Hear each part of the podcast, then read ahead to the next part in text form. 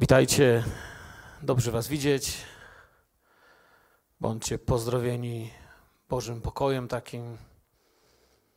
Niech Słowo Boże działa w Was. Pozdrawiamy też tych, którzy oglądają nas online z Bielska Białej, z Filadelfii.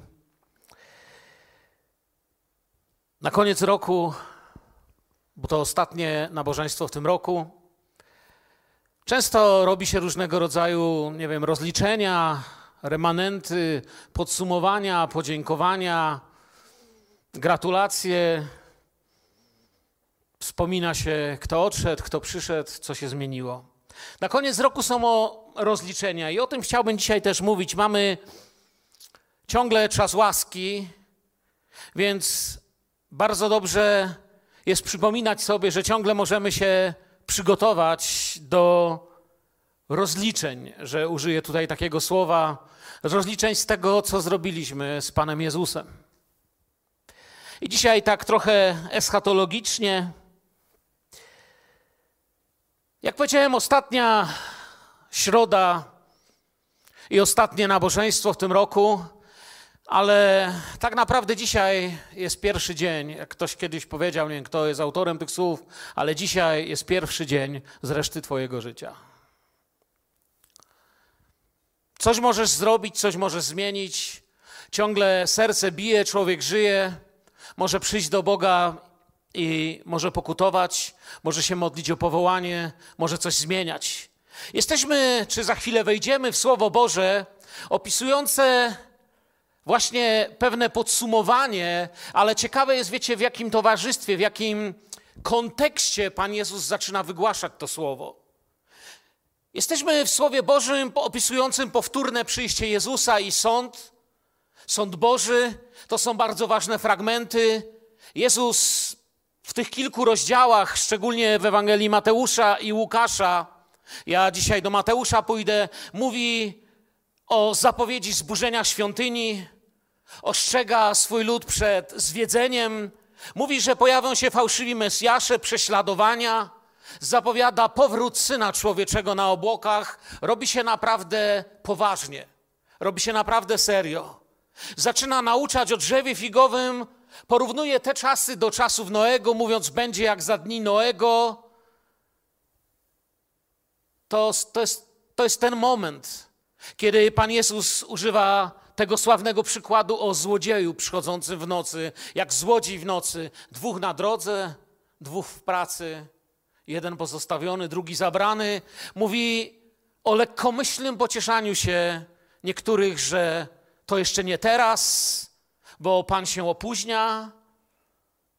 Potem jest przypowieść o dziesięciu pannach,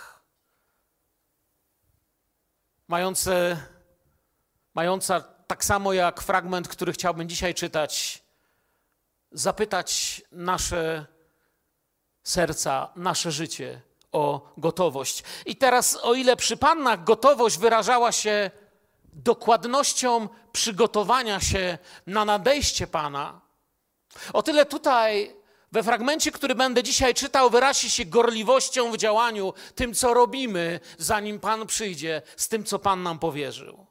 Same ważne eschatologiczne prawdy, zachęcające się do trzymania się wiernie swojego zbawienia i solidnego przejrzenia swojego zachowania, co jest Twoim i moim obowiązkiem.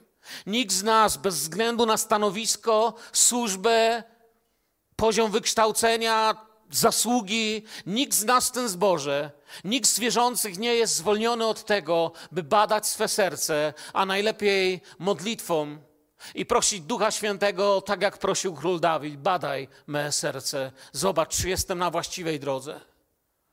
Bo ja mogę się mylić, ale Ty, Panie, zawsze mówię, to najodważniejsza modlitwa, jaką się można modlić, pokazuj mi mnie takim, jakim Ty mnie widzisz. A więc wymieniłem różne ważne rzeczy, które Jezus mówił, i wtedy w tym samym momencie, mówiąc, że nie znamy dnia ani godziny, rozpoczyna się słowo o talentach. U Łukasza to są miny, u Mateusza talenty. Oczywiście nie chodzi w sensie w słowie o talentach, że każdy za chwilę będziemy czytać, otrzymał jakąś ilość talentu, talentów. Nie chodzi o zrozumienie słowa talent, tak jak my go rozumiemy dzisiaj, czyli, nie wiem, dziewczynka pięknie gra na skrzypczach, a chłopczyk na fortepianie, otrzymali talent. To jest jakby adoptowane znaczenie tego słowa. Dosłownie słowo z greki talent, z greki talanton oznacza po prostu ciężar. Talent znaczy ciężar. I w tym znaczeniu ciężaru srebra, ciężaru pieniądza, ciężaru powierzonego, w tym znaczeniu też jest owa przypowieść. Tutaj talent to jest około 34 do 36 kilogramów. A więc widzicie, talent, załóżmy teraz srebrny, gdyby był, to to naprawdę dużo 34 do 36 kilo srebra. Tutaj jeszcze ważniejsze talenty zaraz zobaczymy. Ale talent to, jeszcze raz mówię, nie chodzi o utalentowanie do zrobienia czegoś, a tego, co się otrzymało, wagę tego, co otrzymaliśmy. Talent to po prostu ciężar i jakoś jaśniej wtedy zaczyna się też rozumieć ciężary jedni drugich noście. To, co Pan nam zlecił, to, co Bóg ma dla mojego życia, Ty możesz pomóc mi nieść.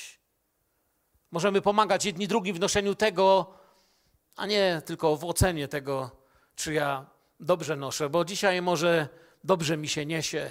Mi się dzisiaj bardzo świetnie niesie słowo dla Was. Czuję się dobrze. Są ludzie zainteresowani, słuchacie, niektórzy nawet notatki robią. Piękne ale czasami bywa w życiu nie z górki, bywa w życiu ciężko. Potrzebujemy siebie, aby zanieść dalej, aby służyć dalej, aby wystać dalej. Otwórzcie wasze Biblię, przeczytajmy Mateusza 25, od 14 do 30, znane miejsce Słowa Bożego. Może bowiem stać się tak, jak z człowiekiem, który przed wyjazdem wezwał swoje sługi i powierzył im swój majątek. Jednemu dał pięć talentów, drugiemu dwa, trzeciemu jeden. Każdemu według jego zdolności i odjechał. Natychmiast ten, który otrzymał pięć talentów, poszedł, obracał nimi i zyskał drugie pięć. Tak samo i ten, który otrzymał dwa talenty, zyskał drugie dwa. Ten zaś, który otrzymał jeden talent, poszedł, wykopał w ziemi dół i ukrył pieniądze swojego Pana. Po dłuższym czasie Pan powrócił i zażądał rozliczenia od swoich sług. Wówczas przyszedł ten, który otrzymał pięć talentów, przyniósł drugie pięć i powiedział: Panie, przekazałeś mi pięć talentów, oto zyskałem drugie pięć. Odpowiedział mu jego pan: Znakomicie, sługo dobry i wierny, w małych rzeczach byłeś wierny, nad wieloma cię ustanowię, wejdź do radości swego pana. Potem przyszedł ten, który otrzymał dwa talenty i powiedział: Panie, przekazałeś mi dwa talenty, oto zyskałem drugie dwa. Odpowiedział mu jego pan: Znakomicie, sługo dobry i wierny, w małych rzeczach byłeś wierny, nad wieloma cię ustanowię, wejdź do radości swego pana. Wreszcie przyszedł ten, który otrzymał jeden talent i oznajmił: Panie, poznałem Cię i wiem, że jesteś człowiekiem surowym. Zbierasz plon tam, gdzie nie posiałeś, i zgarniasz tam, gdzie nie rozsypałeś. Z obawy przed Tobą poszedłem i ukryłem swój talent w ziemi. Oto masz, co Twoje. Odpowiedział mu jego pan: Sługo zły i leniwy. Wiedziałeś przecież, że zbieram plon tam, gdzie nie posiałem i zgarniam to, czego nie rozsypałem. Powinieneś był oddać moje pieniądze bankierom, a ja po powrocie odebrałbym je z zyskiem. Odbierzcie mu więc ten talent i dajcie temu, który ma dziesięć. Każdemu bowiem, kto ma, będzie dodane i będzie opływał we wszystko. Temu zaś, kto nie ma, zostanie zabrane nawet i to, co ma. A sługę nieużytecznego wyrzućcie w ciemność na zewnątrz tam będzie płacz i zgrzytanie zębów.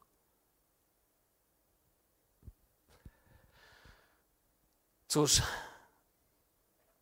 tak jak nasza przygoda z Bogiem, kiedy mamy na przykład chrzest i kiedy czy ja, czy inny z braci pastorów mamy przywilej nauczania katechumenów, to często ludziom przed chrztem mówimy: Słuchajcie, wasze nawrócenie to nie jest koniec przygody z Bogiem, czy wasz chrzest, przepraszam. To nie jest tak, że nawróciłem się, doszedłem do chrztu, to wszystko teraz jakoś wiernie do śmierci, żeby było, oby tak dalej. To nie jest koniec. Tak też przygoda z Bogiem nie kończy się nawróceniem, nie kończy się chrztem, tak też nie kończy się powołaniem i nie kończy się obdarowaniem. Kończy się wtedy, kiedy Pan nas do siebie odwołuje i kiedy możemy położyć przed Nim plon swojego życia, kiedy nasze życie przynosi Mu chwałę, kiedy jesteśmy posłuszni Jego powołaniu i stawiamy kroki za tym powołaniem i pozwalamy się żywemu Bogu powołać. Ci ludzie najpierw stali się sługami, potem dowiedzieli się, że są obdarowani, i potem dowiedzieli się, że Pan powróci. Tak to działa. I jednemu dał pięć talentów, drugiemu dwa, trzeciemu jeden, każdemu według jego zdolności dał tego ciężaru, tego talentu i odjechał. To, co otrzymują, jest tym, co sam Pan wcześniej używał. Tym, w czym on działał. Działa, to ma wartość. Nie muszą sprawdzać, czy talenty działają, czy są coś warte. To jest już jasne. Pan im je daje, on sam je do tej pory pomnażał, sam nimi obracał. Mają jego pieczęć, że tak się wyrażę, mówiąc w pojęciach starożytności. Mają jego twarz na sobie. Ewangelia działa, nikt już nie musi tego udowodnić. Te talenty sprawiają, że oni nie są sierotami, nie są bezdomnymi, nie są biedakami, mają autorytet, mają wartość nadaną przez tego, który je daje. Mogą czerpać z Jego przykładu, z Jego słów i z Jego nauki, biorą swój ciężar służby w miejsce Chrystusa, w miejsce Pana, pomnażając talenty, które otrzymali. Tak można tutaj taką typologię stosując, wyjaśniać to nauczanie Jezusa. Nikt nie dostał więcej, niż byłby w stanie wykorzystać, niż byłby w stanie zrobić. Czasami, wiecie, jest takie powiedzenie nie do końca prawdziwe i do końca prawdziwe, że Bóg nigdy nie da na nas więcej, niż moglibyśmy unieść. Nieprawdziwe jest w tym, że Bóg zawsze daje więcej niż możemy unieść, i prawdziwe jest w tym, że niczego bez Niego uczynić i tak nie możemy. Jeśli już niesiemy, to i tak tylko z Nim. Bo cokolwiek by na nas dał, to z siebie nie uniesiemy. A więc nikt z nich nie dostał więcej niż byłby w stanie unieść. Są różnie obdarowani. To widać i tak samo dzisiaj można rozpoznać, że różnie jesteśmy obdarowani. I jeszcze raz mówię, chodzi o coś dużo głębszego niż talent, nie wiem, do grania, do naprawiania czy do zrobienia czegoś. Ich zadaniem nie było porównywanie się. Porównywanie się jest jedną z najgorszych rzeczy, jaka ci się może w chrześcijańskim życiu przydarzyć. Nie jest niczym, do czego powołuje cię Bóg. Porównywanie się wypływa bardzo często z próżności albo z braku poczucia własnej wartości w Chrystusie. Nie musisz się z nikim porównywać. Bóg cię kocha takim, jakim jesteś, ale nie chce, żebyś został takim, jakim jesteś. Ma swoją sprawę, On cię powoła, ciebie, mnie, On nas zmienia, On nas prowadzi. A więc ich zadaniem nie było porównywanie się, ale działanie w tym, co dostali. Każdy miał przywilej bycia sługą Pana. Każdego czekał przywilej stania przed Nim w bliskości, otrzymania tego. Pan odjechał, a oni Natychmiast ten, który otrzymał pięć talentów, poszedł, obracał nimi i zyskał drugie pięć. Natychmiast poszedł i zaczął działać. Dalej Słowo Boże, Boże mówi nam tak samo i ten, który otrzymał dwa talenty, zyskał drugie dwa. Dwu, drugie dwa. Ten też, krótko mówiąc, poszedł, poszedł. Tak samo natychmiast zaczął działać. Nie mówił, że a kto to wie, kiedy ten Pan wróci? Dwa mam w sumie, to nie, on poszedł i chłopisko zaczął działać. Nie zwlekał. Nie mamy nic, co nie zostałoby nam dane. Nie wiem, ilu dzisiaj jest na tej sali nas, ale chcę Wam coś powiedzieć. Każdy z nas nago na ten świat przyszedł. Wiem, że niektórych rozczarowałem, ale nikt się nie urodził w garniturze. Nic na ten świat nie przynieśliśmy. Wszystko, co mamy, nie mamy nic, co nie stałoby nam dane. A więc poszli i mogli naśladować Pana, mogli działać, mogli robić to, co otrzymali, co widzieli, do czego On uznał ich, że są zdolni. Nie mamy nic, co nie zostałoby nam dane, ale można też stracić to, co zostało nam dane, kiedy nie naśladuje się Pana. Ten zaś, który otrzymał jeden talent, poszedł, wykopał w ziemi dół i ukrył pieniądze swego Pana. Hmm. Nie wiem, czy on się porównywał z pozostałymi, bo to najczęstszy powód zakopywania talentów we współczesnym kościele. Albo powiem to bardziej zrozumiale, nie wiem, czy on się porównywał z innymi, ale jest to najczęstszy powód porzucania służby i zostawiania swojej służby w dzisiejszym kościele. Swoje powołania ludzie zostawiają, bo mówią, ktoś robi to lepiej. Gdybyśmy więcej książek o misjach czytali i o wielkich ludziach Kościoła, widzielibyśmy, że czasami niektórzy z nich w oczach świata byli beznadziejni. Żaden fachowiec nie powołałby ich do tego, co zrobili i do tego, do czego użył ich potem Bóg. Byli dobrzy w czym innym, ale Bóg miał dla nich swój plan. Nie porównujemy się z innymi. Nie zakopujemy swojego powołania. Co on zrobił? On zabrał się za przygotowywanie materiału dla archeologów. Miał czas, uznał, że to jego tajemnicza, prywatna sprawa. Poszedł i zaufał, że to ziemskie, co posiada, zachowa mu to, co otrzymał w powołaniu. Że jakoś na tej ziemi, czy w tej ziemi zachowa mu się to, co otrzymał i jakoś tam będzie. A więc też zapewnił sobie spokojne życie. Oparł się o ochronę ziemi, a nie o ochronę Bożego rozumu, Bożego poznania tego, kim jesteś, że Bóg Cię powołuje i posyła. Oto innymi słowami mógłbym powiedzieć, niedbały człowiek, który poszedł, zapisał się do kościoła i uznał Biblię za lekturę, nabożeństwo za tradycję, a powołanie pomylił z kościelnym krzesłem i stał się wysiadywaczem tego krzesła. I uznał, byle teraz do śmierci, jak mnie będą co tydzień widzieć, to jest szansa, że nad grobem powiedzą, że byłem jednym z nich. Pan równie dobrze mógł mu niczego nie powierzać. Na to samo by wyszło. On myślał, że obdarowanie polega na pilnowaniu. Obdarowanie i powołanie nie polega na pilnowaniu. Pan sobie sam potrafi dopilnować swoich rzeczy. Gdyby potrzebował pilnowania, niczego by mu nie dawał. Ale rzeczy zaczynają się układać źle. Jeden gościu robi co może, żeby wypełnić to, czym go, co Pan na niego położył. I powiem Wam, często tak jest w powołaniu.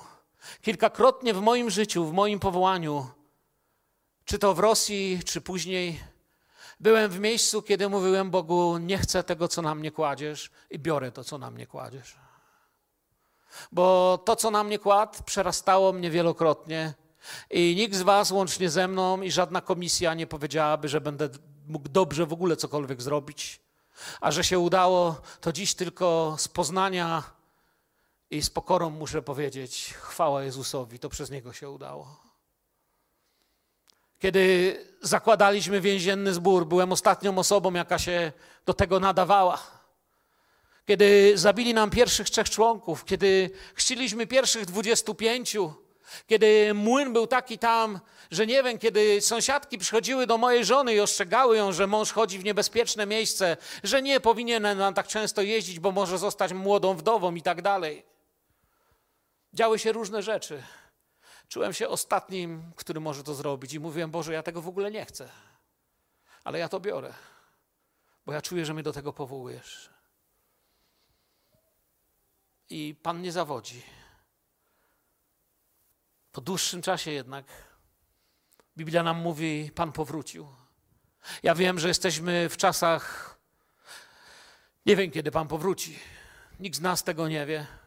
Mało tego, Bóg nas zachęcał, żebyśmy nie zajmowali się obliczeniami dni, żadnych godzinek, pór, czasów. Zachęcał nas do tego, Parafrazując Bożą zachętę, mogę tak powiedzieć: Pan mówi, że nie muszę wiedzieć kiedy, Pan mówi, że muszę być gotowy. Amen. Po dłuższym czasie Pan powrócił i zażądał rozliczenia od swoich sług.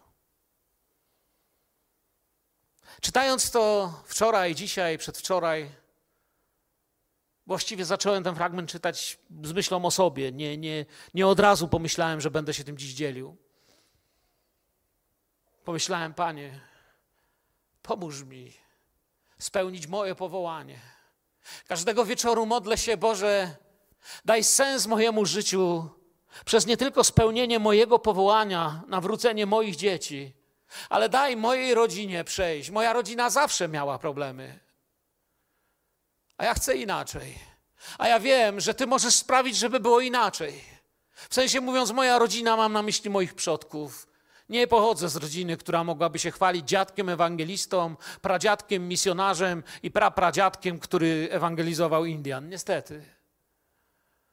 Ale poprosiłem go, zmień moje życie, zmień kierunek wszystkiego, dokąd szliśmy. I używaj mnie. Innymi słowami, o co wtedy prosisz Boga? Kiedy masz takie same pragnienie, kiedy tego nie masz, zacznij to mieć. Wzbudź to w sobie, tą modlitwę, Panie, posyłaj mnie, powołuj mnie, pociągaj mnie. Pamiętaj, w martwej wierze, kiedy trwasz w martwej wierze, nigdy nie zostaniesz powołany.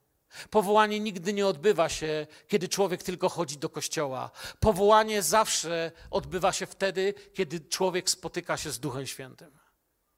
Tylko wtedy się odbywa powołanie. Nigdy ci się to nie przydarzy niechcąco, tylko dlatego, że, że po prostu se przyszedłeś na nabożeństwo. To się odbywa przez relacje. W dłuższym czasie Pan powrócił. Zażądał rozliczenia od swoich sług. Nie szybko. Choć niektórzy może myśleli, że zwleka. Wiemy, że tak było. Pan nam to objawiał.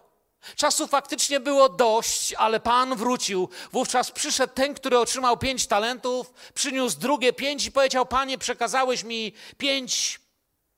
I powiedział: Panie, przekazałeś mi pięć talentów, oto zyskałem drugie pięć. Przyszedł pierwszy. Właściwie czytając, poczułem jakąś dynamikę nawet, jak on przyszedł. Jakby gość od razu się pojawia. Miał najwięcej, zrobił swoje, był jakiś taki spokojny w tym. Y, to, to jest moja interpretacja, może nawet nadinterpretacja, y, bardzo taka y, romantyczna, ale ja czuję, że on naprawdę czekał na Pana z tą drugą piątką w ręce. Wiecie o czym mówię? Ten gość się cieszył, Panie, przyjdź. On był ten, który czeka, o, jak Pan przyjdzie, zaraz biegnę, bo, bo, bo jestem ubłogosławiony tym, czym mnie obdarował. Od razu był gotowy. I Pan mu odpowiedział znakomicie, sługo dobry, wierny, w małym byłeś wierny i, i te najpiękniejsze słowa. Wejdź do radości swego Pana. Piękne słowa. Pozwólmy teraz, by ten werset skomentował nam Orygenes. Czytałem sobie niedawno Orygenesa i dzisiaj to przepisałem. Pomyślałem sobie, czemu ja wam mam komentować ten werset, skoro jeden z wielkich ludzi Kościoła może to zrobić. Mam na myśli ten 21 werset.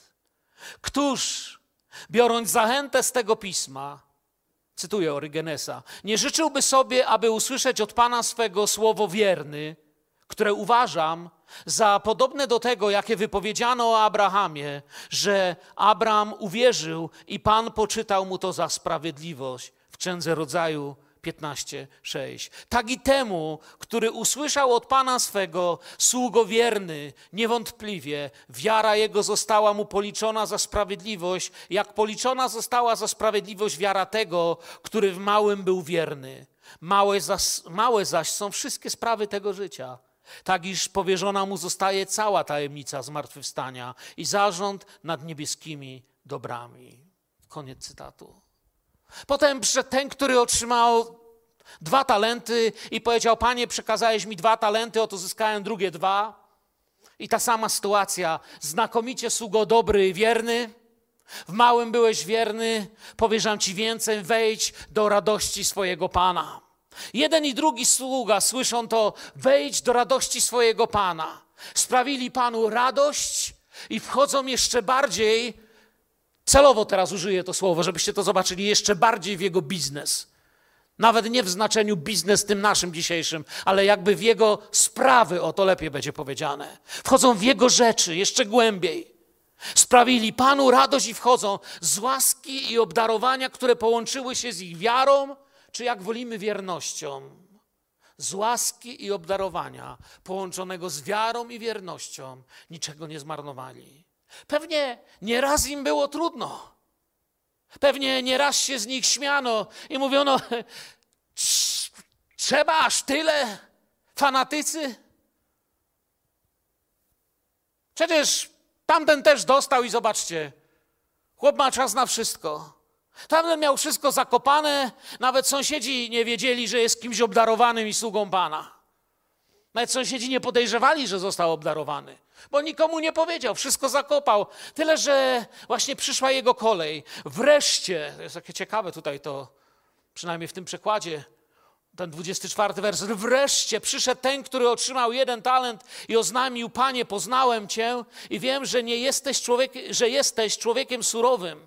Zbierasz plon tam, gdzie nie posiałeś i zgarniasz tam, gdzie nie rozsypałeś. Z obawy przed Tobą poszedłem i ukryłem Twój talent w ziemi. Oto masz, co Twoje. Dla mnie to prawie brzmi jak masz i wypchaj się, tylko ładniej powiedziane.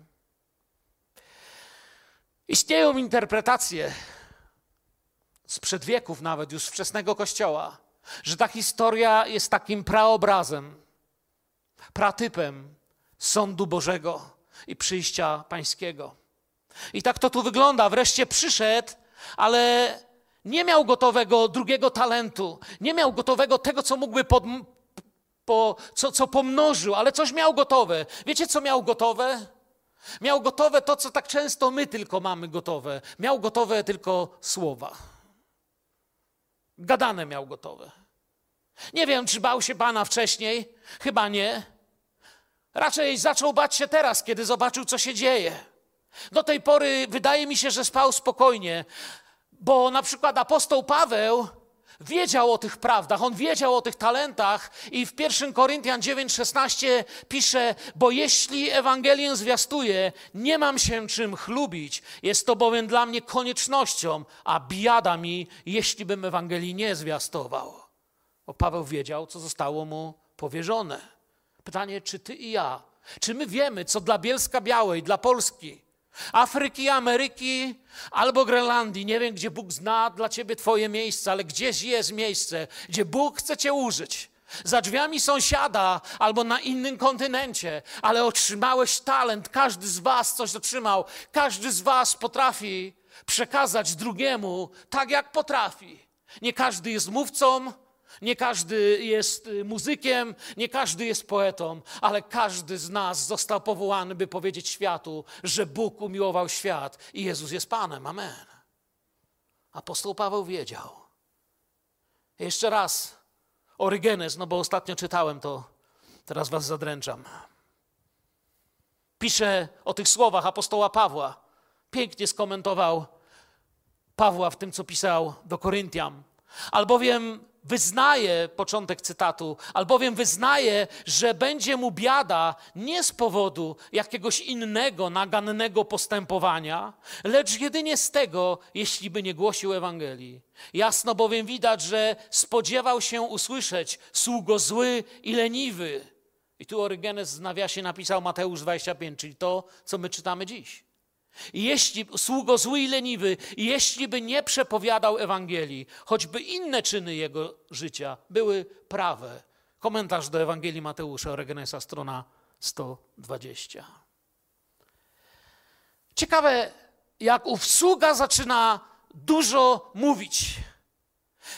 Czytaliśmy to, słyszeliście to, panie, ja wiedziałem to i tamto, ojej, jak on zna pana, słuchajcie. Wie, jaki jest, wie, co zrobi. No na śmierć gość może zagadać, ale Pan się zagadać nie da. Tu raczej odwrotnie, wczytując się w tekst, widzę, jak działa zasada, którą czasami policja używa tych słów, kiedy kogoś aresztuje. Wszystko, co powiesz, może zostać użyte przeciwko Tobie. I tak tu to działa. Takie będą niektóre nasze słowa, mające pozory poznania, a właściwie tylko oskarżające nam, no bo aż tyle wiesz, a nigdzie cię nie ma. Aż tyle wiesz, a tylu tego nie wie, aż tyle o życiu wiesz, a tylu umiera. Jak to? Panie, byłem skromny, miałem tylko jeden talent. Bóg nie nazywa tego skromnością. Jezus Innymi słowami, opisuje taką postawę w Łukasza, bo tam jest podobna historia z minami. I tam też, wiecie, jakby w, ty, w tym fragmencie takim bardzo o tych czasach końcowych Jezus, to można by te dwa fragmenty tu cztery godziny omawiać, ale, ale taką ciekawą myśl nam Pan Jezus udaje. Nie musicie szukać, tylko wam wspominam o tym w Łukasza 11:52. Biada wam, zakonoznawcy, że pochwyciliście klucz poznania, sami nie weszliście. Mieli klucz czy nie, nie mieli? Mieli. Miał minę czy nie miał miny? Miał. Pochwyciliście klucz poznania. Czyli Jezus mówi, to co wiecie, to jest dość. Sami nie weszliście, a tym, którzy chcieliby wejść, zabroniliście. Sami nie doświadczyliście zbawienia, a tym, którzy mogliby, staliście się raczej przeszkodą. Zasłoniliście im drogę do Pana. Przez faryzeuszy wielu ludzi źle myślało i o Bogu, i o świątyni. Poganie to w ogóle śmiali się z Boga i myśleli o nim bardzo źle. Rzymianie uważali, że to nie jest dobry Bóg z powodu tego, co robili. Faryzeusze skoncentrowali przesłanie pisma tylko na sobie. Zysk był tylko dla nich, bo nawet zakopany skarb staje się coraz cenniejszy, a wielu go wtedy potrzebowało, ale ów zakopał talent, a oni poznanie. Mamy tu talent zakopany w ziemi. Jak mówiłem u Łukasza, to mina owinięta w chustę. I znowu ciekawa rzecz, jeśli chodzi o te dwie historie. U Mateusza to są talenty, i ten jeden człowiek zakopał talent w ziemi, a u Łukasza to są miny, i ten, który dostał jedną minę, również owinął ją w chustę. I to jest ciekawa rzecz tutaj, że jedno i drugie jest potraktowaniem tego talentu jak czegoś martwego. Nie wiem, czy wiecie. Nazwa tej chusty, nie chcę was Grekom zadręczać, nie będę tu Greki teraz czytał, musicie mi uwierzyć albo sobie sprawdzić, zobaczcie to sobie, to jest niezwykłe. Nazwa tej chusty, w którą on owinął tą minę, prawda? I zakopał, nazwa tej chusty po grecku jest dokładnie taka sama, jak nazwa chusty po grecku brzmi tak samo, ta chusta, w którą owinięto twarz, kiedy owijano ciało Chrystusa do grobu. Jest chustą cmentarną, chustą do pochowania Krótko mówiąc, jeszcze jaśniej, ten człowiek uznał powołanie do podobieństwa Jezusowi, uznał Ewangelię za coś martwego. Uznał, że może kiedyś, ale nie dziś, może u innych, ale nie u niego. I pochował. Uznał to, czym obdarował go Bóg, uznał za śmierć niedziałającą w jego życiu. Czekał na Pana, uznając pański dar za martwy. Zakopał go do ziemi jak trupa, owinął go i tak jak mówię, dokładnie to samo słowo jest używane przy owijaniu martwego ciała i wkładaniu go do grobu. Owinął go w chustkę, tu w tłumaczeniach naszych mamy. Ten człowiek uznał powołanie za martwe. Dla niego nie było żywe. Czy ty, bracie i siostro, czy ja nie wyciągam i nie ośmielę się palca w niczym kierunku wyciągnąć? Mogę w swoim, pytanie zadaję sobie i tobie. Czy ty, bracie i siostro, czy ja Gdzieś kiedyś nie pogrzebałeś Twojego powołania. Bóg Cię być może powołał, ale uznałeś, że inni zrobią to lepiej. Uznałeś, że i cała lista naszych ludzkich argumentów. Kiedyś Duch Święty położył ci to, kiedyś wyszedłeś do przodu i dobrze wiesz, że być może słowem proroczym być może przez Ducha Świętego, przez kogoś, albo jakoś Bóg ci powiedział, co będziesz robił, ale na razie to leży w ziemi.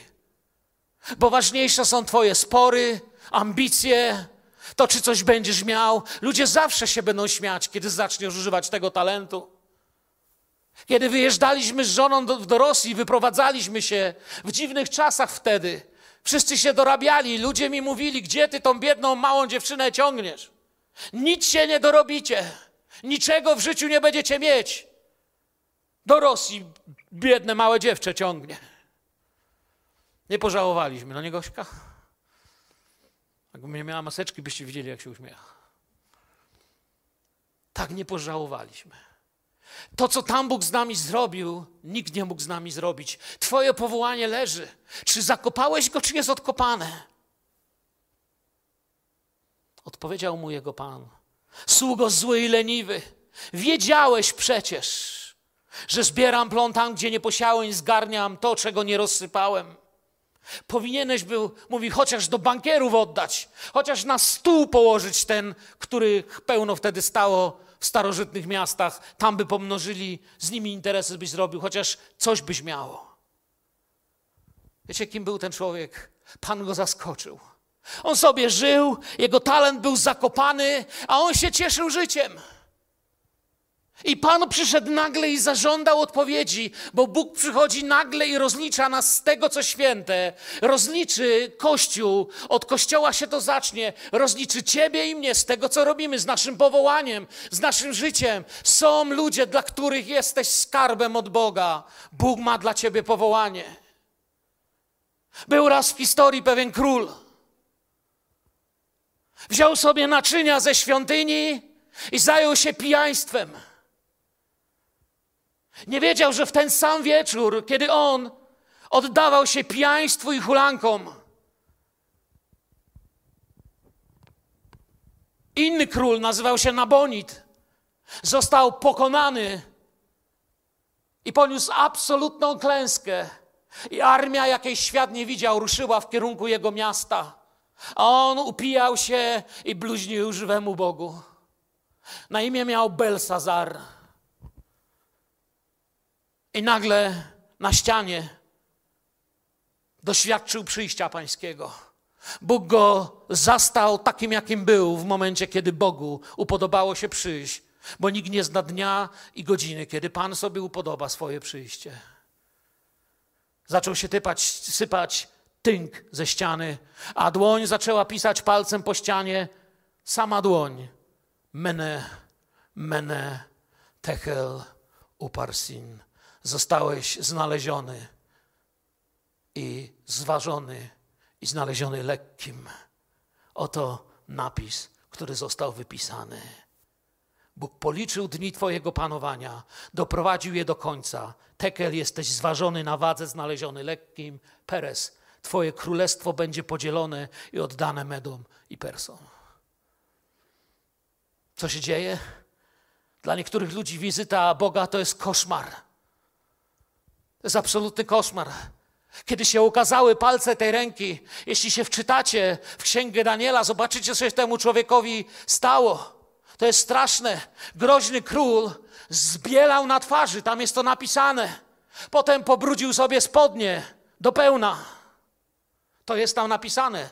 Doczytacie się w tekście. Zanieczyścił własne ubranie i zaczął drżeć. Co to? dzień, kiedy Pan Panów ma do Ciebie pytanie, królu. Sługo, powinieneś był zrobić cokolwiek, wracając do naszej historii. Nie zrobiłeś nic.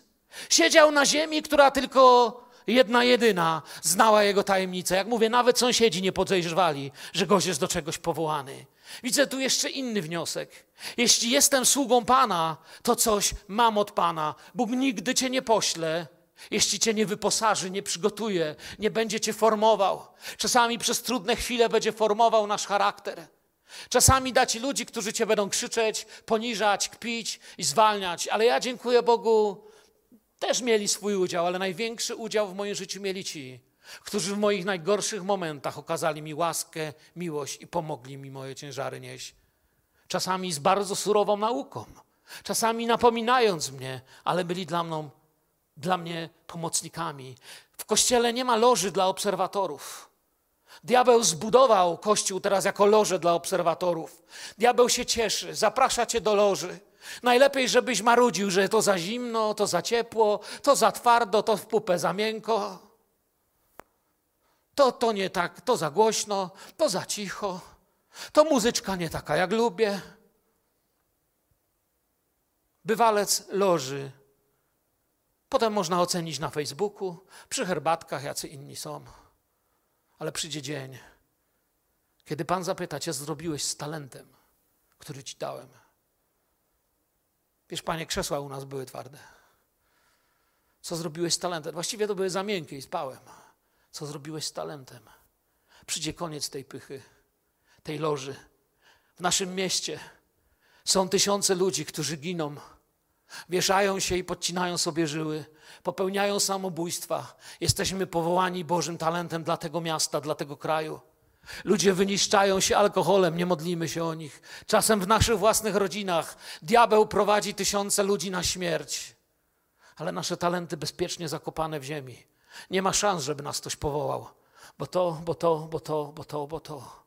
Są miejsca bliskie i dalekie, gdzie możemy zainwestować nasz talent. Nie zakopujmy go. Daj się Bogu powołać.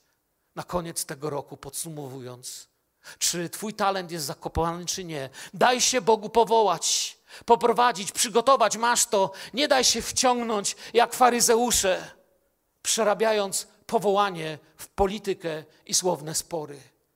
Wiesz, jak się diabeł cieszy, żebyś się zajął porównywaniem kościołów, kaznodziejów, muzyczek, żeby ci coś przeszkadzało. Taka prima ballerina, jeszcze baletki chrześcijańskie dokupić.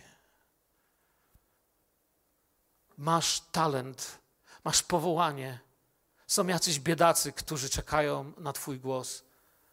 Wczoraj czytałem książkę Wspomnienia misjonarza, zanim Cię zjemy. I dzisiaj rano ten fragment przeczytałem gości, poruszył mnie. Nie, przepraszam, to nie ten ci czytałem, inny. Inny, jak utłumaczył kanibal, dlaczego misjonarki nie zje, bo nigdy nie jadł białych i mówi, że nigdy nie jadł białego.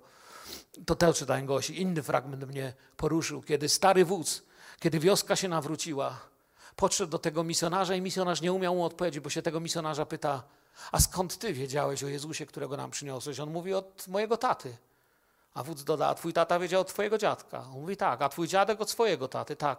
To dlaczego tamci nie przyjechali wcześniej? Tylu nas wcześniej zginęło. Ten misjonarz nie wiedział, co ma powiedzieć. Ale nawet tak do mnie doszło, nawet ten nawrócony ludożerca pomyślał w ten sposób. Im wcześniej Ewangelia gdzieś dotrze, tym bardziej ludzie się zmienią. Im więcej jako Kościół zrobimy, tym lepiej. Słowo Boże docierało w miejsca, gdzie Jezus osobiście nie posiał, ale równocześnie bez pomocy Jezusa by tam misjonarze nie dotarli. Bo tak naprawdę posłał nas może osobiście tych ziaren nie rozsypał, ale chce plon pozbierać, bo my w nim, a bez niego nic nie możemy. Bo ludzie będący jego własnością w nim i przez niego posiali pośród profesorów i ludożerców. Siali i inwestowali życie i królestwo pośród inteligentów i prostych ludzi. Pośród ludzi na wsi i ludzi w mieście. W Afryce, w Ameryce i aż po krańce ziemi. Szli, ginęli, byli prześladowali, a czasami doświadczali przebudzeń, o których ze łzami w oczach czytamy w książkach.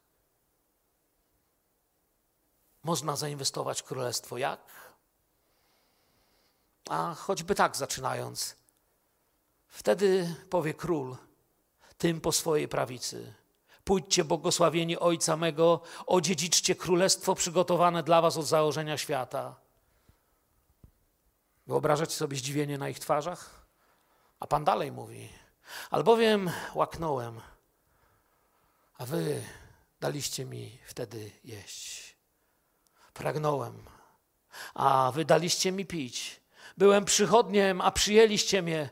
Byłem nagi, a przyodzialiście mnie. Byłem chory, a odwiedziliście mnie. Byłem w więzieniu, a przychodziliście do mnie.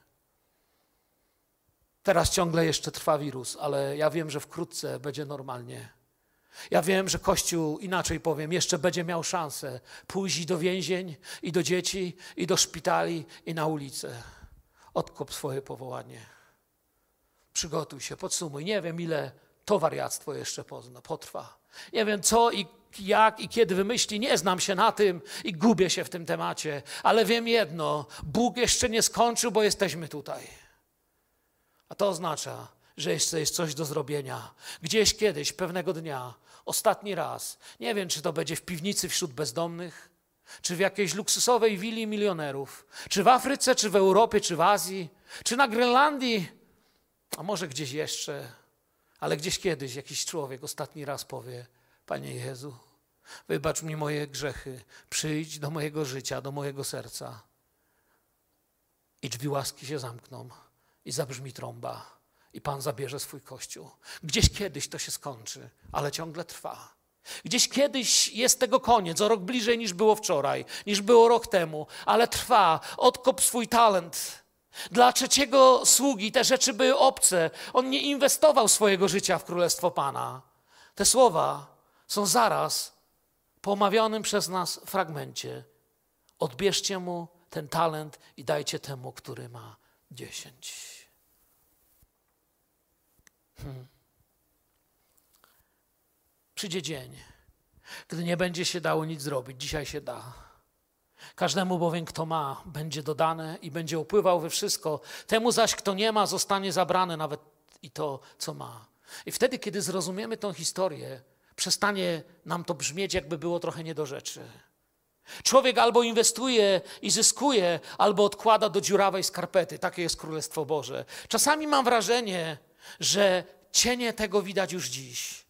Jedni widzą coraz bardziej, kto się uświęca, niech nadal się uświęca. I widzą coraz bardziej, jak ważne jest Boże powołanie. Odkop swój talent, odkop swoje talenty. Przypomnij sobie dni, kiedy Pan Cię powołał, kiedy Bóg powiedział, co przez Ciebie zrobi. Przypomnij, co kładł Ci wtedy na sercu, o co się martwiłeś. Jedni coraz bardziej widzą, jak to jest ważne.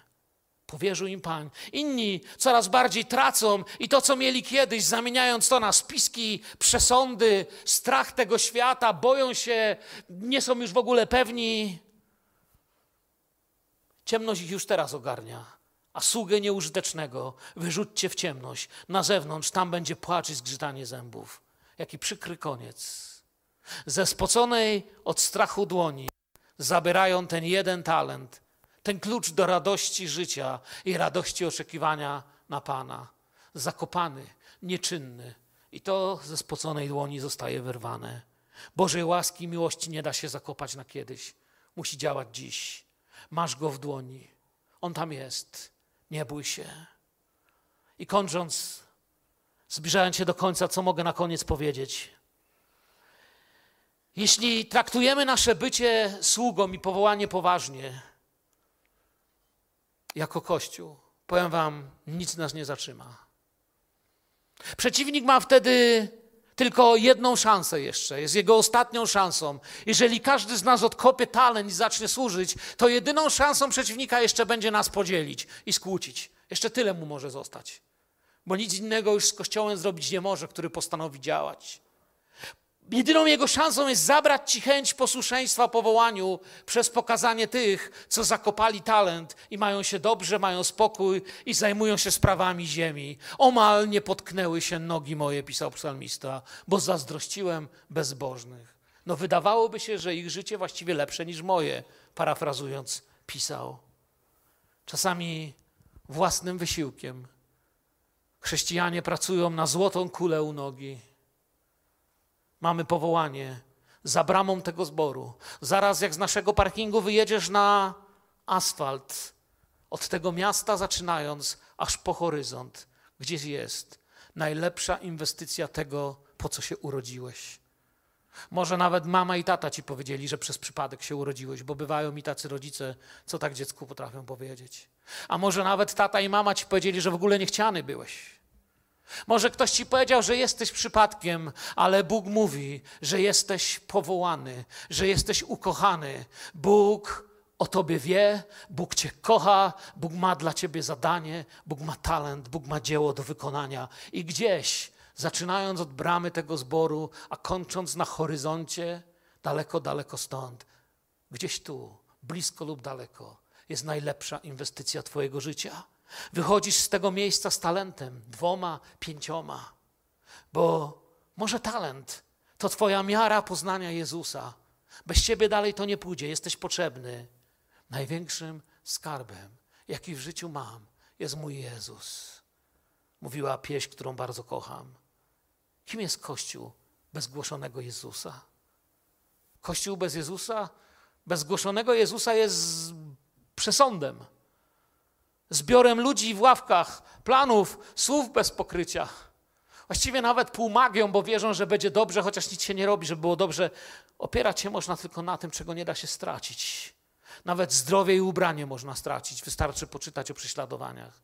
Ale tego talentu nikt ci nie może zabrać. Tego talentu nie można stracić. Można go zainwestować w domu, pracy, więzieniu, szpitalu. Gdzieś jest miejsce najlepszej inwestycji Twojego życia. Módl się, aby Duch Święty ci ją pokazał. Tu nie chodziło o talenty. Chodziło o pielęgnowanie powołania i woli Bożej dla naszego życia. Jakakolwiek by była, może to zgubiłeś. Może czas zrobić porządek, odkopać ukryty talent. Dlaczego miałby nie działać, skoro Pan wie, że zadziała? Wiesz, dlaczego on działa? Cały duchowy świat widzi na tym talencie, który Bóg ci dał, pieczęć króla królów i pana panów. A ci, którzy uwierzą, takie znaki im będą towarzyszyć, mówi Biblia. Dzisiaj żyjemy w czasach, kiedy ci, którzy uwierzyli, towarzyszą znakom. Zamiast znaki im towarzyszyć, to oni znakom towarzyszą i latają za nie wiadomo jakimi znakami. Ale mówi, kiedy uwierzysz, znaki towarzyszyć będą tobie, a nie ty znakom. Ślepi zaczną znowu widzieć, głusi słyszeć, chromi chodzić. Ludzie będą oczyszczani z trądu alkoholizmu, pornografii, nikotyny i innych grzechów, które związują ten świat. Zainwestuj swój talent. Nie będę robił teraz wezwania do modlitwy. Nie poproszę, byś wyszedł do przodu. Może do kogoś z Was dziś Duch Święty przemówił, albo w domu, tam skąd słuchacie, albo tutaj. Może czujesz, że Duch Święty dzisiaj do Twojego serca stuka i mówi: Pamiętasz nasze plany? Ty wiesz. Pochylmy nasze głowy. Chciałbym się pomodlić o tych z Was, którzy czują, że potrzebują krok wiary zrobić. Ojcze, który jesteś w niebie, w imieniu Jezusa, przychodzę teraz przed Twoje oblicze i chcę Cię przeprosić za moje zaniedbanie. Chcę Cię przeprosić, że nie kochałem Cię tak, jak chcesz być kochany. Chcę Cię przeprosić, że nie mam mnie tam, gdzie powinienem być. Chcę Cię przeprosić, że moje obdarowanie, mój talent ukryłem. Panie, nawet mój sąsiad nie wie, że ja jestem wierzący. Panie, moja rodzina kompletnie nie wie, na czym polega moja wiara. Panie, moi bliscy są bardziej zaangażowani w nasze spory niż w to, co we mnie złożyłeś. Panie, Ty widzisz wszystkie inne problemy. Chcę odkopać talent, który tylko w świętej ręce mogę nieść dalej. Panie, chcę być święty, chcę być powołany, chcę być używany. Pokaż mi, jak mogę odnowić dawną pasję do słowa, do służby, do kochania Ciebie. Dziękuję Ci, Duchu Święty, że mówisz do mnie. Nie chcę tego tak zostawić. Proszę Cię dziś o pomoc, wybaczenie, posilenie. Pokaż, co ja mam dalej zrobić w mojej konkretnej sytuacji. Tobie niech będzie chwała za to, że trwa Twoja łaska. I chciałbym być tym, który z radością będzie czekał Chciałbym być tym, który już dziś nawet będzie mógł powiedzieć: Przyjdź, Panie Jezu, choćby i dziś. Amen.